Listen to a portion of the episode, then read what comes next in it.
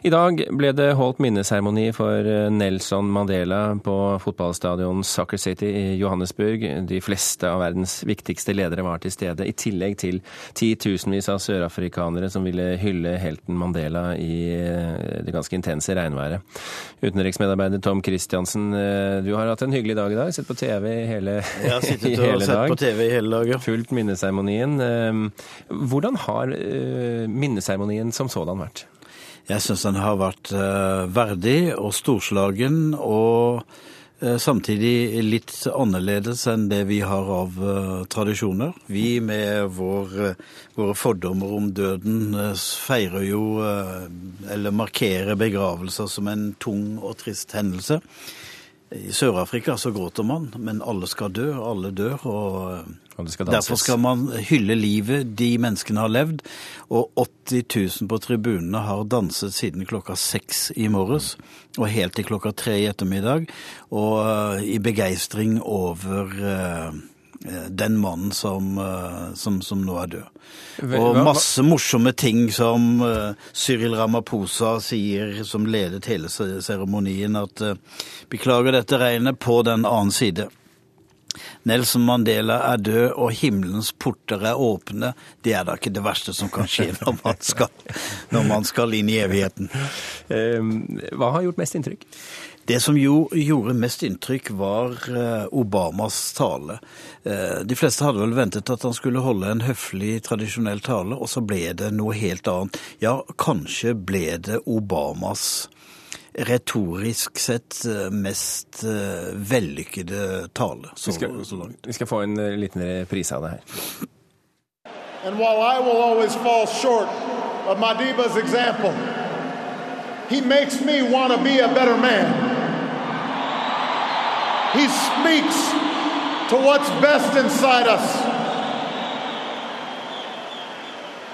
After this great liberator is laid to rest, and when we've returned to our cities and villages and rejoined our daily routines, let us search for His strength.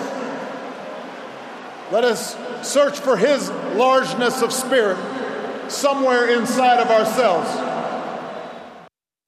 Ja, Det er stilig, Tom Christiansen. Samtidig så hører vi jo publikum jubler og danser og holder på. Publikum jubler, ikke Men- sant? Han sier Men det, var tydelig, men det var tydelig at de hørte etter også, fordi at det på nøyaktig de riktige stedene så kom jubelen. Ja, og på stadion i dag var det jo mange taler som ingen hørte etter, for de danset og sang og fikk beskjed om å måtte roe seg hele tiden. Men det var, det var en tett kontakt, og eh, det han jo liksom sier, ikke sant Mandela har gjort meg til et bedre menneske. Eh, Mandela har talt til det beste i oss. Eh, han kalte han den store frigjører, og da skal du huske at det er bare fem år siden USA strøk Nelson Mandela fra terrorlista. Han ble ansatt som en terrorist fordi han ledet ANC, en bevegelse hvor kommunistpartiet eh, var en, en del.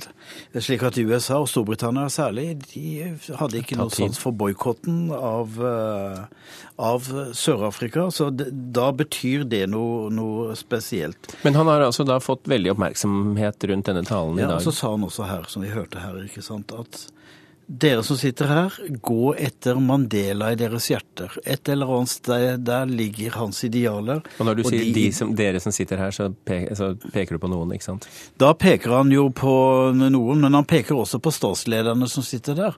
For så plutselig så sier han husk at Mandela gikk av etter én valgperiode. Og der sitter Robert Mugabe, som har sittet siden 1980. Der sitter, sitter eh, Yoweri Museveni fra Uganda, som har sittet nesten lenge. Der sitter alle disse livstidspresidentene. Så de fikk en på, en på tygga, for, for å si det rett ut. Og så sier han det er mange som har hyllet Nelson Mandela, og som samtidig undertrykker eh, minoriteter. og det var flere av dem som var til stede, og det var ellevill jubel.